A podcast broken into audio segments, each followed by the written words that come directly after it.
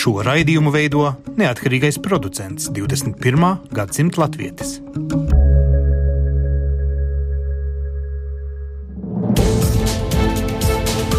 Septiņas dienas Eiropā piedāvā Eiropas radiotīkls Eironet.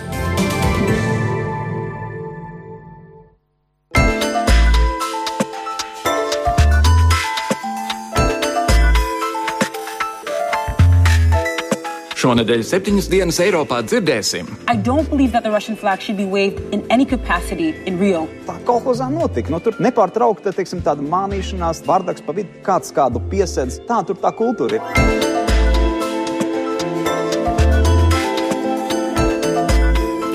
Labdien, godējamie klausītāji! Latvijas radio studijā Kārlis Streips sveicināti jaunākajā septiņas dienas Eiropā sērijā. Es esmu vācietis! Tā uz kādu Minhenes autostāvvietas jumti izmisīgi bļaustījās jauneklis Alī Sonbolī pēc tam, kad bija nogalinājis deviņus cilvēkus un īsi pirms pats sev darīja galu. Izrādījās, ka tā dēvētais terorists ir nekas cits kā apmulsis un dusmīgs irāniešu izcelsmes vācu jauneklis ar ieroci. Tāpat 17-gadīgs puisis ar nosacītām dāīšu simpātijām vicinājās ar cirvi vilcienā Vācijā, ievainojot trīs, policija gan ātri viņu neutralizēja. Ir arī sīrietis, kam noraidīts patvērums, vakar nakt viņš pats uzspridzinājās ārpus mūzikas festivāla Vācijas dienvidos, ievainojot 11 cilvēkus. Vācijai un pasaulē šonadēļ šķita, ka arī tai pienākusi kārta kļūt par nākamo masu teroraktu asiņaino pieturpunktu. Apstākļu sakitrības pēc Vācijā vēl patiešām masīvs terorakts nav noticis. Policija saņēmusi uzslavas par koordinētu rīcību, vācu ļaudis atviegloti nopūtušies, ka viss bija maģā, mazāk traģiski, kā sākotnēji domāts. Diemžēl bailes vēl paliek. Toties šodien raidījumā līdz Rio Olimpisko spēļu atklāšanai palikušas vairs tikai desmit dienas, bet tā vietā, lai spriestu par sportu, mums nākas runāt par korupciju, dopingu un politiku skandāliem apvītajā starptautiskajā sporta pasaulē. Šodien arī pievērsīsimies Turcijas neveiksmīgā apvērsuma sekām, kā vara šobrīd izmanto izdevību veikt valstī milzu attīrīšanos no iespējams citādi domājošiem.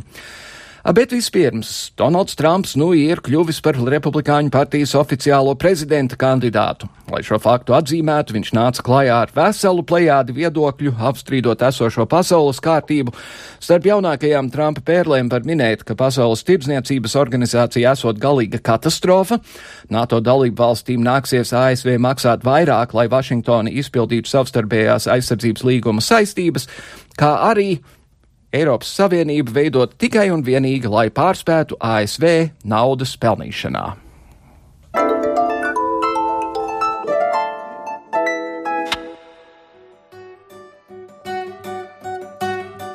Intervijā The New York Times taujāts par hipotētiskām Krievijas aktivitātēm Austrumēropā, Donalds Trumps teicis, ka ASV atbalsts NATO dalību valstīm nav garantēts, ja to aizsardzības budžeti nesasniegtu līgumā noteiktos 2% no IKP. Trumps īpašu uzsvaru licis uz Baltijas valstīm par spīti tam, ka Igaunija ir viena no tikai piecām dalību valstīm, kas savas saistības pilda. Viņa izteikumu nosodījuši vairāk Eiropas valstu līderi un ASV valdības amatpersonas, tostarp arī no Trumpa pārstāvētās republikāņu partijas. Viņuprāt, šāds solis izmainītu jebkādu pēckara pasaules kārtību un ir pretrunā ar līdzinējo ASV politiku. Turklāt viņa komentārs izskanējis tikai divas nedēļas pēc Varšavas samita, kurā tika lemts palielināt NATO klātbūtni Austrumēropā.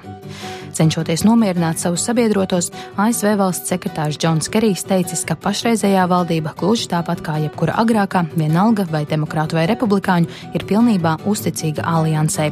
Turpina ASV prezidents Baraks Obama.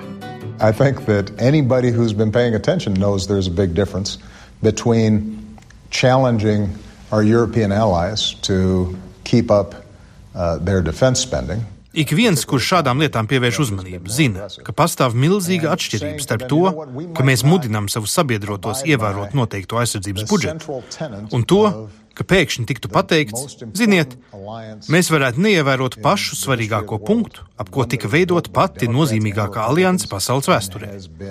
Alianse, ko ir radījuši un uzturējuši gan demokrāti, gan republikāņi, kas ir bijusi ASV ārpolitikas stūrakmens kopš otrā pasaules kara beigām. Es uzskatu, ka Trumpa kungam, kurš agrāk izteicies, ka Amerika ir vāja un nerūpējas par saviem sabiedrotājiem, tagad informācijas vai sapratnes trūkuma dēļ pieļauj iespēju, ka Amerika varētu neaizstāvēt tos pašus sabiedrotos, kuri mūs atbalstīja pēc 11. septembra, kad uzbruka mums. Tas, manuprāt, liecina par gatavības un sapratnes trūkumu, ko viņš tik tālu bieži izrādījis, runājot par ārpolitikas jautājumiem. An indication of the lack of preparedness that uh, he's been displaying when it comes to foreign policy. Jā, nu zinošs viņš katrā gadījumā nav. Pievērsīsimies Turcijai. Ankara esot izbrīnīta, ka Eiropas Savienības līderi pēc neveiksmīgā apvērsuma nav masveidā apmeklējuši Turciju, lai izrādītu solidaritāti ar demokrātiski ievēlēto valdību un nav pauduši lielāku atbalstu turku centieniem saglabāt tās demokrātiskās vērtības, ko draudēja iznīcināt militāristu pučs. Eiropas Savienības amatpersonas ir vienbalsīgi nosodījušas apvērsuma faktu, toties vienlaikus aicina Turciju ievērot demokrātiskos standartus, vēršoties pret personām, ko tā tur aizdomās par līdzdalību puča rīkošanā, jo Eiropieši bažās, ka šī brīža valsts izrēķināšanās ir savādāk domājošiem esot pārmērīga. Kā nekā, tur aizturēti vairāk nekā 50 tūkstoši cilvēku. Vairāk par Turcijas apvērsuma sekām manas kolēģis Ievas Valēnas sižetā.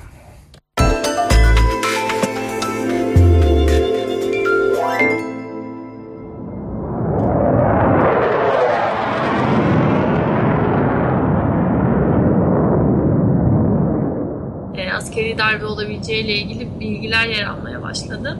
Mums likās, ka apvērsums nav īsts, jo karavīri uzbruka civiliedzīvotājiem, ko parasti nedara. Tad sapratu, ka viss ir pa īstam.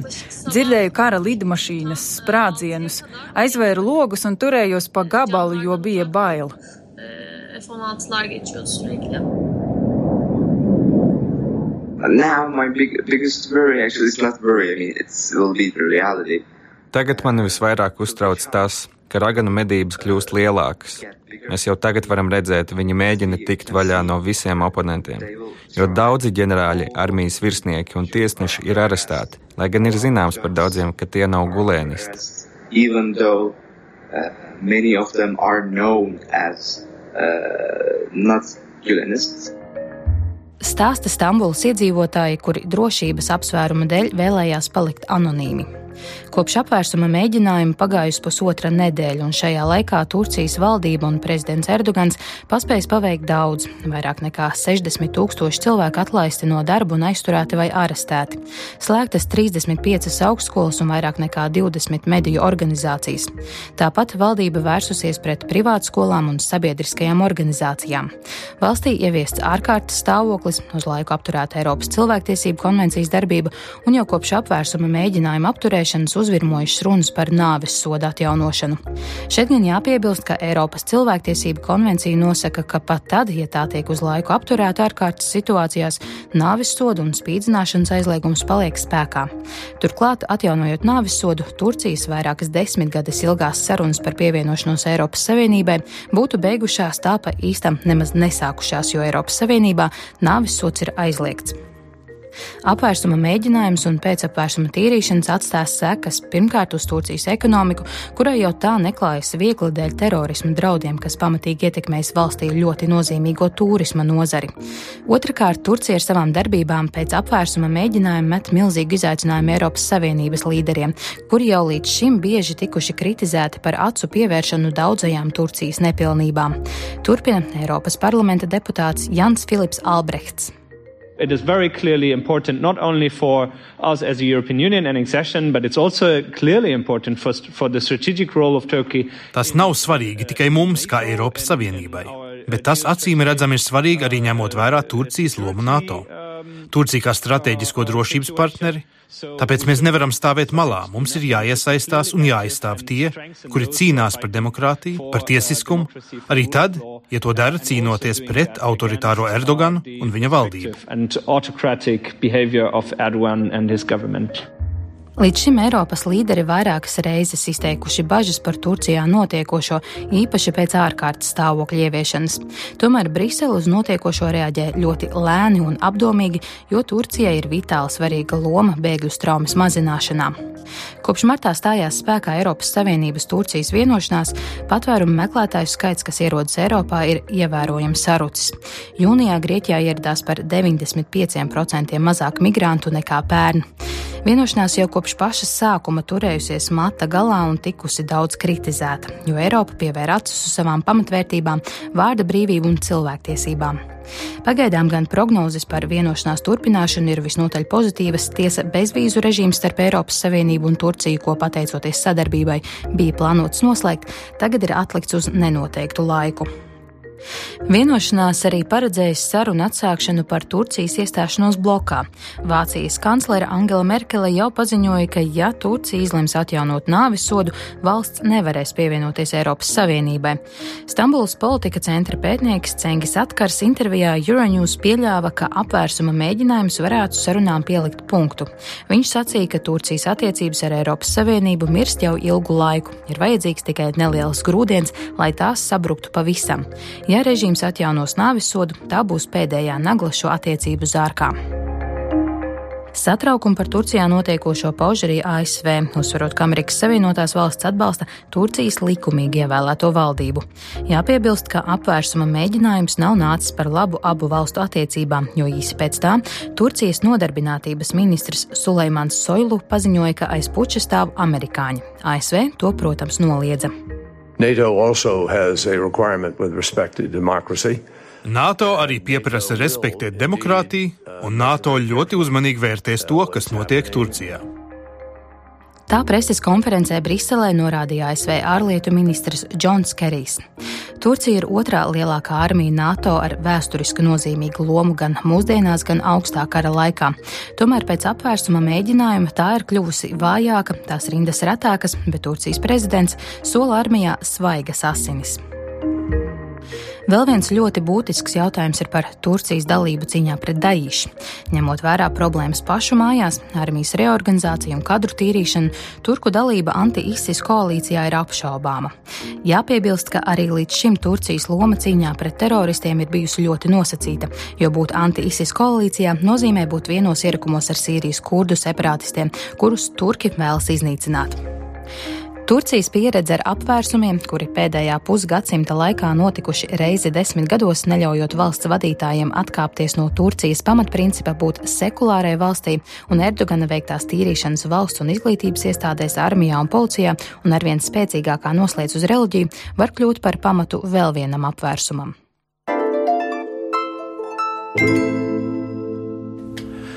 Paldies, Ievai, par sižetu.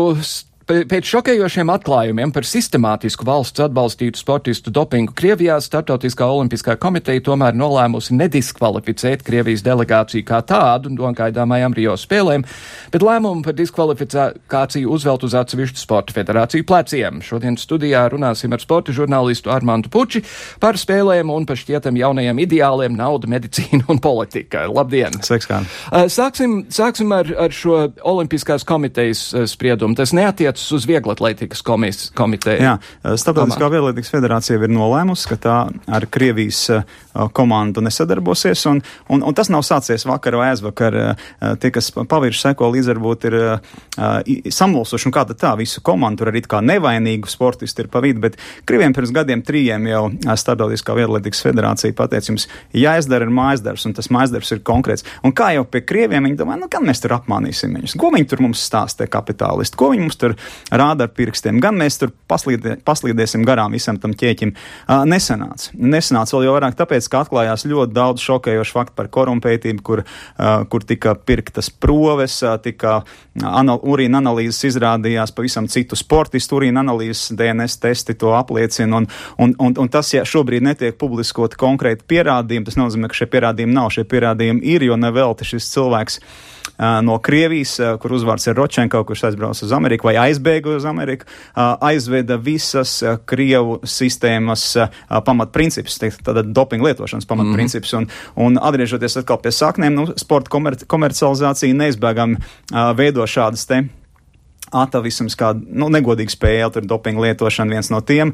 Un, tāpēc nu, mēs skatāmies šobrīd, ka ir viens nu, modernā cirka beigu sākums izskatās, jo, jo, jo dopings ir, tas ir smags jautājums starptautiskā arēnā, tajā pašā laikā komercializācija, kur tiek piedāvāts vien vairāk naudas, kur sportisti, lai sasniegtu labklājību vai nopelnītu lielo ābolu, ir gatavi riskēt ar veselībām. Faktiski visi šie principi šobrīd ir tik saplūduši, tik izkropļoti, ka, gudīgi sakot, žēl skatīties un, un, un, un mēģināt sev kā, nu, likt atbildēt uz jautājumu, vai patiešām šis ir šīs ēras beigu sākums, tātad modernā olimpiskā kustība. Mm -hmm.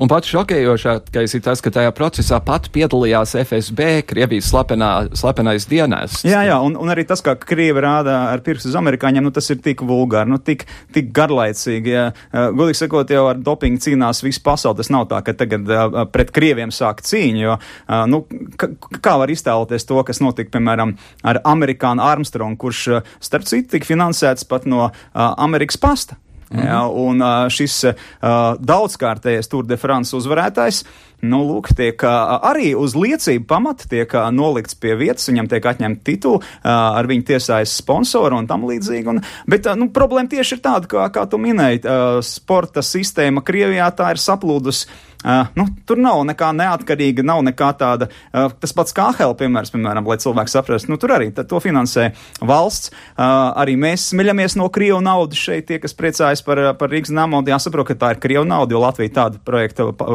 pavilkt nevar. Un tajā pašā laikā lielajā sportā tā ir bijusi vienmēr Krieviem politika, arī amerikāņiem tā ir bijusi politika, arī Vācijai tā ir bijusi politika, Angļiem, uh, taču Krieviem tā ir izteikti bijusi tāda sava spēka nodemonstrēšana, un tāpēc uh, tu pieminēji FSB, nu tur nav brīnums, ka speciālai dienesti palīdzēja, kārtoja šīs lietas, šo kontekstu veidoja tādu, lai mēs būtu pēc iespējas stiprāki. Pēc Vankūveras spēlēm 2010. gadā sākās šis stāsts, padomu laiki tā kā bija beigušies, un Krievi vienā brīdī apmuls un laikam tā kā pie sevis vai nu palaid to, to čūs kaut kur pa maliņu, un viņi nesaprāt, nu, ko, ko mēs te darīsim, būsim tīri, nu tā pēdiņās liekot. Un tā viņi saprat, jā, mūsu, mūsu mājās būs olimpiskās spēles, vajadzētu tā kā atkal uzpumpēt uh, savus muskulīšus. Jo Bankuvērā lielākoties izgāzās. Izgāzās, jā, jā. Komanda, jā. Un, un redz, cik maz laika vajag, lai atjaunot šīs lietas, bet uh, kopumā tajā sistēmā tur tie treneri, sportisti, visi viņi tā vienā ķēdītē, ja tas tā olimpiskā medaļa Krievijā no padomu laikiem, un arī šobrīd ir tieši tā, tā dod labklājību vai, vai, vai materiālos labumus virknei cilvēku. Tā ir sistēma, tā ir tāda kārtība, kas, ka, ka tur visi ir iesaistīti, viņi visi grib, ja, un, un tā vietā, lai, lai viņi koncentrētos zinātnē, lai, lai pētītu, kāda būtu šī modernā farmakoloģija, mūsdienu farmakoloģija, nu, viņi uh, grib mānīties. Ja? Mm -hmm. un, un tas ir kriem tik raksturīgi, un, un tas ir tik, tik paredzami. Nu, nav brīnums, ka Krievi arī šobrīd viņi tā kā ir izpļaukāti, tā kā redzam, ka viņi ir izpļaukāti. Un tajā pašā laikā sāk stāstīt kaut ko par cilvēktiesībām. Startautiskā olimpiskā kustība tā ir sabiedriska organizācija. Uh, nav cilvēku tiesībās rakstīts, ir obligāti jāpiedalās Olimpiskajās Jā. spēlēs. Ja, uh, ja šī starptautiskā uh, olimpiskā komiteja ir rūpēs par savu reputāciju, skaidrs, ka viņi rūpēs par to, lai tur būtu godīga spēle vai nu, vismaz uh, saprotama, caurspīdīga mm -hmm. šī spēle. Ja lieto, lieto visi, vai nelieto, ne, nelieto neviens. Ne? Ja, Bet, pirms, pirms par, par komitiju. Katrā gadījumā mēs visi atceramies padomju laikā tās tā dēvētās sievietes, kas ir īpaši Demokrātisko Vācijas republiku pārstāvēja mm -hmm. spēka sportos. Mm -hmm. Un starp citu, kā 60. gados tā sauks, saukto seksa kontroli Olimpiskā komiteja ievies tieši pēc Krievu šmaukšanās mēģinājumiem, jo Krievi tur sūtīja vīriešus uz uh, sieviešu diskmēšanas mm -hmm. uh, sektoru un tam līdzīgi. Ja, tā, tā šmaukšanās ir bijusi no laika gala. Un, un, un ne, ne viss, protams, tur ir sabojāti, bet ja, ja šobrīd ir pierādījumi, ka tā ir bijusi sistēma, ko atbalstījusi valsts, tad uh, šī kolektīvā atbildība nosacīt, liekam, pēdiņās kolektīva atbildība uh, ir jāsagrauj šī sistēma. Un, no, jā. un šajā ziņā šie soļi ir pareizi, taču Tagad mēs esam pie Starptautiskās Olimpiskās komitejas lēmuma, kurš ir no vienas puses tāds ļoti ļumīgs, no otras puses mums ir jāsaprot, ka modernajā pasaulē šī komercializācija sportā jau ir, nu, tā, uzsūkusi sevi ārkārtīgi daudz arī nelegālo līdzekļu, un Krievi ir daudz starptautisko federāciju sponsori. Mm -hmm. Mēs redzam, arēnās tur, nu, labi, varam redzēt pat uz, uz, uz Vācijas Bundeslīgas vai Spānijas uh, augstākās līgas uh, futbolistu krekliem dažādas uh, Krievu kompāniju nosaukums, un, un arī ziemas sporta veidos mēs tur redzam Gazprom krustu šķērsu un apkārt visriņķi, un tā nauda tur ir. Līdz ar to šie uh, nacionālo, ne nacionālo, bet starptautisko federāciju, sporta veidu federāciju pārstāvi, nu, viņi jau arī tā kā ir tikai cilvēki. Viņi domā, nu, kā tam mēs pret tiem krieviem, te mums, no, tā, te mūsu labklājība. Nauda nesmird. Jā, nauda nesmird. Bet šis, šis ir tas gadījums, ka nauda smird, smirdēs vēl ilgu, un, manuprāt, Rio spēles tas būs sākums nu, kaut kam ārkārtīgi dīvainam, jo mēs redzēsim, ka šobrīd sporta politizēšana notiks vēl lielākā mērogā kā, kā līdz šim. Jo, teiksim, ja, ja, ja atrodas tikai angļu uh, informatīvajā vidē, tad angļi ārkārtīgi nikni šobrīd uh, uztver šo procesu, kas notiek ar Krieviju. Viņi uzskata, ka tā ir nodevība, ko Soka ir izdarījis. Uh, savukārt, nu, krieviski runājošajā vidē tur atkal viņi tā piesardzīgi mēģina stāstīt, ka nu, mēs, mēs varam laboties, mēs varam laboties. Vai Krievam var ticēt? Vēsture pierāda, nevar. nevar.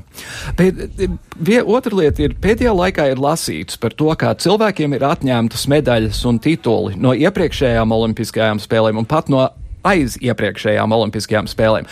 Ko, kā tas notiek? Vai kaut kur glabājas joprojām urīna Jā, jā. pudelītes. Uh, nu, ar atpakaļejošiem datumiem ir, ir, ir maz tādu precedentu. Ir, tie pieminētie gadījumi ir daži, jā, bet, protams, ka glabājās šie, šie uh, urīna paraugi, bet tas vairāk ir domāts nākotnes vārdā, uh, ka zinātnieki cīnās, jo tie, kas uh, nu, tā kā ķer, tie vienmēr skrien pakaļ tiem, kas lieto, jo tie, mm -hmm. tie ir faktiski izmanīgāki, tā var teikt. Un, un līdz ar to te, šis arhīvs, šis urīna mēģina arhīvs, tas ir ļoti labs instruments zinātniekiem, lai saprastu, kas tur toreiz notika, kāpēc tā bija, ja, un, un tādas konsekvences, ka sāks te rindā pārdalīt um, olimpiskās tabulas, nu tādas jau nebūs, ja, bet ir svarīgi, nu, šis precedents konkrēti ar Krieviju, ka, ka viņš uh, pamāca uh, šo kustību tā, nu, izskolo, izpliķē, ir nepatīkam, protams, ja, bet, nu, tajā pašā laikā šis viens gadījums, kur ir atruna, uh, Krievijas olimpiskā komiteja varēs vest savus atlētus, bet tikai tos, kas uh, nav līdz šim tikuši arī pieķerti, jo ir tāda atlēta, kas ir tā kā savu diskvalifikāciju izcietuši, un, un viss Šeit gribētos lielāku konsekvenci no Startautiskās olimpiskās komitejas puses, jo mums vajadzētu šo attiecināt principu ne tikai uz Krieviju, bet uz visu uh, sporta sabiedrību. Ja tu vienreiz esi pieķerts, stāv pie ratiem. Stāv pie ratiem. Mm. Varbūt tas ir sākums ar Krieviju sāks, jo tāpēc, tā ir sistēma, kas ir izveidota valstiskā mērogā, ne jau vēl Putins ar to īpaši neizpildās, viņš klusē, un citkārt viņš var būt uh, liels agresors un, un, un, un varētu pat arī mēģināt uh, veidot alternatīvas spēles. Nu, tā kā tas ir raksturīgi kā, kaut kādiem režīmiem tam līdzīgiem, ka mēs tagad paši parādām parādīsim, kā, kā spējam uzrīkot Olimpiskās spēles vai kaut ko līdzīgu, alternatīvu, kā savulaik Losandželos Olimpisko spēļu gadā družbas sacensības notika. Bet, bet tas nenotiek, jo, jo pat tiešām pierādījumi ir klai, skaldri un, un, un nežēlīgi. Un, un, un, vispār, godīgi sakot, nu var pabrīnīties, cik uh, cik primitīvi viņi ir mānījuši pasauli. Nu, jā. Vai tavuprāt, eh, ja tagad tas viss ir uzdots atsevišķu sporta federāciju, cik varētu būt federācijas, kuras arī nolems eh, Krievijai liekt piedalīties? Jo, piemēram, svārcelšanā Tas ir acīm redzams jautājums. Jā, bet svarcelšana tur tikus skaidrībā. Viņi jau pirms tam nolēma, ka tās kvotas tiks atņemtas Krieviem, un viņiem atņem jau viņas jau, ir pārdalīts. Tas Aha. viss. Tur, tur nav tik, nu, tiksim tā, pārsteiguma momentu tur nebūs. Bet būs, mēs redzēsim šo te uh, startautiskās olimpiskās komitejas sasaisti ar, ar, ar, ar Krievijas naudu, ar, ar, ar, ar, nu, ar, šiem, te, ar šiem te līdzfinansējumiem. Un, un te būs uh, interesanti, ļoti interesanti, sevišķi federācija kontekstā, jo federācijas, ja, ja lielā starptautiskā olimpiskā komiteja tik tiešā veidā nebarojas no, no Krievu, uh, nu, teiksim, naudas plūsmām un, un tām lielajām, lielo kompāniju naudām, tad uh, starptautiskajās uh, federācijās dažādos sportveidos tur ir daudz tādu lietu, un, un jā, nu, te, te var paskatīties, te būs lakmus papīrs. Jā, jā tik tiešām. Savukārt, ja par pašu Starptautisko olimpisko komiteju, tas viņas nevalstiskās organizācijas status būtu labāk uztverams, ja nebūtu tas, ka pašai komitejai ir ļoti gara vēsture ar korupciju. Salt Lake City's olimpiskajās spēlēs pēc tam zili zaļi brīnumi izrādījās.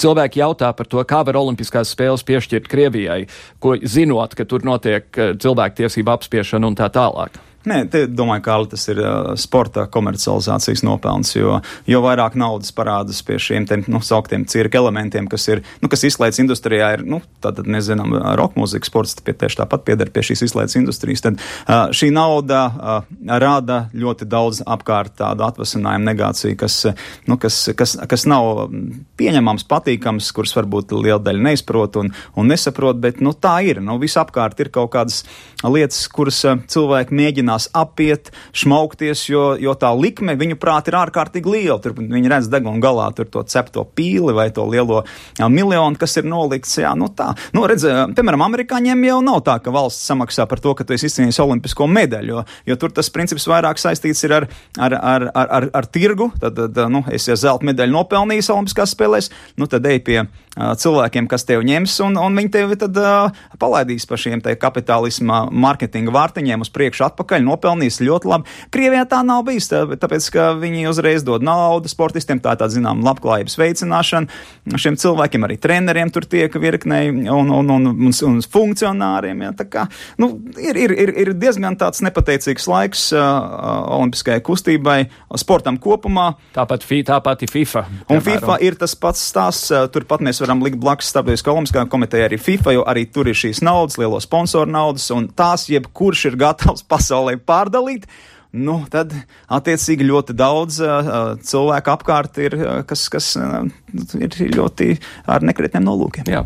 Labi, parunāsim pēdējās desmit minūtēs par kaut ko priecīgāku. Kā tu skaties uz mūsu valstu vienību Olimpiskajās spēlēs? Kādas ir medaļu izredzes? Strombergs, protams, riteņbraukšanā, bet kas vēl? Tīri labi skatos, jo, manuprāt, mēs kā maz nācija esam atkal aizveduši gan daudz atlētas. It kā viens otrs uh, statistiski uh, atgādina, ka tas tā nav tomēr lielākā komanda, bet nevienmēr uh, lielākais bars var atvest visvairāk arī medaļu. Un, un, un šis ir gadījums, ka uh, mēs arī parādām mūsu valsts uh, šīs sistēmas, uh, nu, kaut kādus augļus, jo tie tomēr nav kaut kādi padomi laiku sportisti, kas tagad nonāk uz olimpiskās skatos.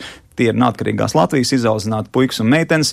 Manuprāt, aprunājoties arī ar, šiem cilvēkiem, ir ārkārtīgi simpātiski redzēt, cik viņi redz plaši šo pasauli, ne tik, ne tik šauri, kā ir tikai sports un nekas vairāk. Un, un te mēs varam pieminēt, jau pieminēšu Strombergu, bet es arī gribētu pieminēt arī tās ģimenes, kas, kas izaudzina šos sportistus. No, no ģimenēs viss sākas, un, un, un tur patiešām ir iedots labs tāda laba bagāža šiem mūsu labākiem atlētiem, lai viņi patiešām spētu cīnīties par visaugstākajām vietām. Jo tikai ar muskuļiem vien jau tur nevajag, ne, nepietiks. Ja, tur vajag arī smadzenes, prātu, viltību, apģērību, un, un, un tas mūsējiem ir.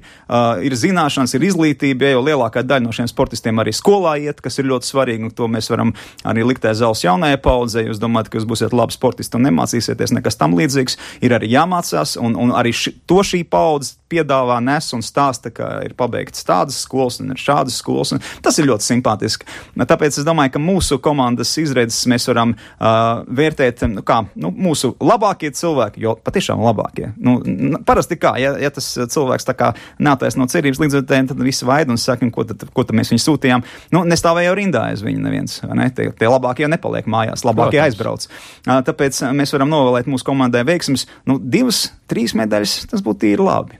Kam ārpus Stromberga, varbūt pludmales volejbolistiem? Arī, arī cīkstoņi, cīkstoņi, kāds svarcēlais. Jā, mm -hmm. tad, uh, Laurija Kaunēca Admidiņa noteikti viena no favorītēm septiņu ciņā. Nu, ir, ir tur. Ir tur darītāji, ir ņēmēji, un ja būs iespēja izmantos, tas ir pilnīgi skaidrs, ka izmantos, ir, ir ļoti simpātiski. Un, manuprāt, galvenais tomēr mēs pasvītrojam, cik mēs esam maza nācija, kas spēj piedāvāt tik kvalitatīvu, teiksim tā, nu, tik kvalitatīvus izsaukuma zīmes pasaules lielajā sportā. Tie patiešām ir mūsu cilvēki, kas šeit ir auguši, un viņi nav te nokrituši kaut kur un netīšām te apvārtīti ja, un izstumti priekšplānā, vai mēs arī neesam piekopuši tās augto leģendu reģionāru principu, ka pērkam tur pilsoņus jaunos, ja, lai viņi pārstāvētu mūsu valstu un atvestu medaļas. Ne, tas mums nav raksturīgi, to mēs arī nekad nedarīsim, un, un par to arī jāpriecājas. Jā, leģendārais tumšādainais Dānis. Jā, jā, jā. Un arī Zviedriem ir daudz tādu, kas, kas ir ļoti tipiski. Kā, kā tavuprāt, vieglatlētikas eh, notikumus un medaļu sadalījumu ietekmēs tas, ka Krievijas tur nebūs?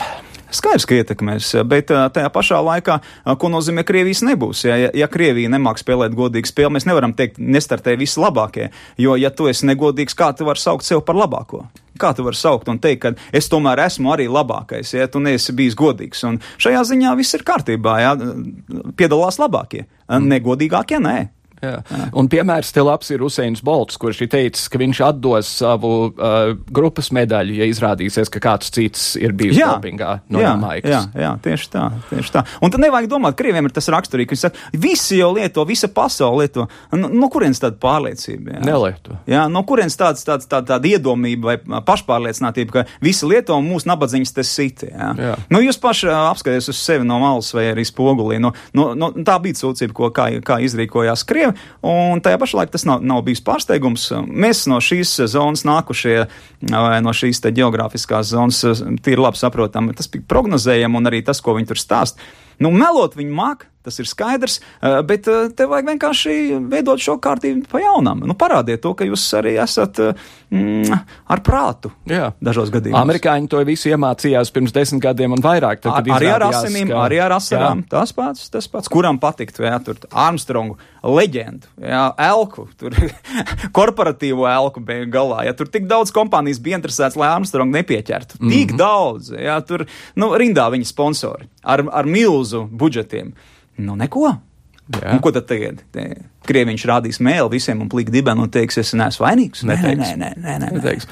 Un bēdīgi mums ir arī jāpiemina fakts, ka visticamāk ar lielāku skaitu medaļu atbrauks mūsu paralimpiskā komiteja, eh, pa, paralimpiskā komanda nekā tā dēvētā parastā komanda. Jā, nu šis arī tā ir laba lieta, kas kopumā ļauj šiem cilvēkiem, kurus liktenis ir dažādā veidā apdalījis, apliecināt sev un, un arī par viņiem mums ir jāpriecājas. Un man prieks, ka šīs komerc struktūras Latvijā faktiski pie šīs nu, ja valsts varbūt nav tik bagāta vai tik spēcīga, ka spēj nodrošināt šo cilvēku kaut kādā mērā šo brīvo laiku, un, un, un tiksim, šis nu, paralimpiskās spēles tās ir tāds, ka tur nu, tā nav cilvēka tiesība, jā, tu, vai tu gribi vai brauc vai negribi, tā brīva izvēle, bet eh, nu, prieks par to, ka uzņēmēji arī atbalsta šo ne tikai tos tauktos tradicionālos olimpiešus, bet arī paralimpiešus. Tas mm ir mhm. ļoti labi, jā, par to mēs varam priecāties, un šie cilvēki arī savā ziņā kaut kādā noteiktai vidē arī demonstrē šos raksturus, šo apņēmību, šo, šo stāstu māju, un, un tas jau attiecās uz visiem visiem, uz visiem Jā. Latvijas iedzīvotājiem. Un, ja es nemaldos, Aigaram Apinim ir vairāk olimpisku medaļu nekā jebkuram citam latvietim visā vēsturē. Jā, jā, jā. Nu, es domāju, ka Olimpiskās spēles uh, kopumā latviešos radīs šo pacēlumu. Un, un ja mēs te mazliet pārlecam kā atpakaļ uz uh, Eiropas futbola čempionātu, kur uh, uzdeva ļoti daudz retorisko jautājumu, a, kas ir Islanda, ko viņi tādu ir izdevusi, ka, kāpēc viņi, kas tur notika tā? nu, es varu atgādināt, Islanda bija pirmā valsts, kas atzina Latviju. Jā. Un uh, no turienes ir izriet arī ļoti daudz uh, šīs valsts panākumu. Tas ir lepnums par savu zemi, uh, krietnums, godīgums, strādīgums. Tā arī mums vajadzētu rīkoties. Jā. Un arī kā es gribēju, lai, lai Īslanda iekļūst finālā. Tas būtu bijis super. Nu, jā, nu, jā. Labi. Uh, Armand Puče, paldies par savu. Paldies, Kāli. Francijas imperators Napoleons apgalvoja, ka vēsture ir melu kopums, par ko visi vienojušies. Mēs septiņas dienas Eiropā gan ļoti cenšamies nemelot. Viens no Brexit referenduma lielākajiem pārsteigumiem bija kampaņu spējas safabricēt šķietami nenoticamus melus, kuriem daļa vēlētāju tomēr noticēja. Un tam netraucēja nemitīgā melu atmaskošana un atspēkošana. Šobrīd viens no britu politiķiem, Boris Džonsons, kas kampaņas laikā izteica dažādus nepatiesus apgalvojumus saistībā ar Eiropas Savienību, nu ir kļuvis par Lielbritānijas ārlietu ministru.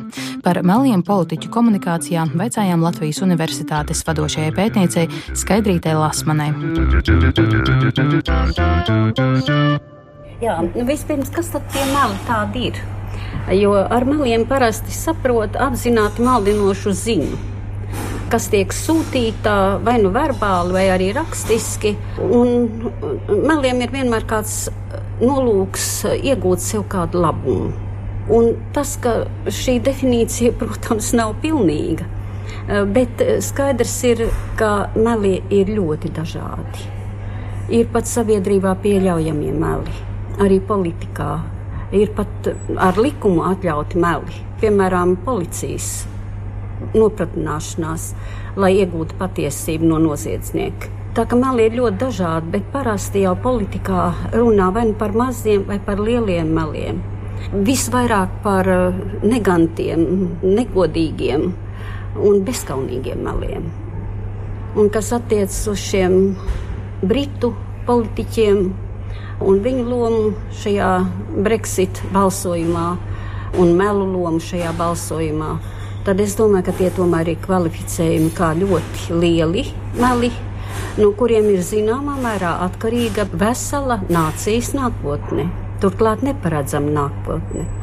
Un te tad jāsaka, ka vislielākā nozīme šo melu atklāšanā, diagnosticēšanā un arī atmaskošanai tieši žurnālistiem, kas arī šoreiz bija un kas arī daudzos Latvijas gadījumos ir tāpat. Un arī jautājums ir par to, kādas ir melu sekas politikā. Un te ir tas, ka melu sekas politikā nevienmēr ir prognozējamas. Un tas ir risks. Tas ir liels risks melu politikā. Kā mēs zinām, vai nu tas skar šo uh, politiķu personīgo stāvokli, vai arī tas skar, kā mēs zinām, arī sabiedrību. Ja tā uzklausa šos melus. Daudzkārt jau meli aizmirstas, un tālāk būs citi notikumi, un tālāk būs citi meli. Un es domāju, ka parasti šis atbildības jautājums netiek uzvelts uz tiem, kas melo. Vismazāk varbūt uz tiem. Jo līdzvainīga jau arī ir balsotāji. Līdzvainīgi ir arī balsotāji. Tā uh, sabiedrības daļa, kura notic.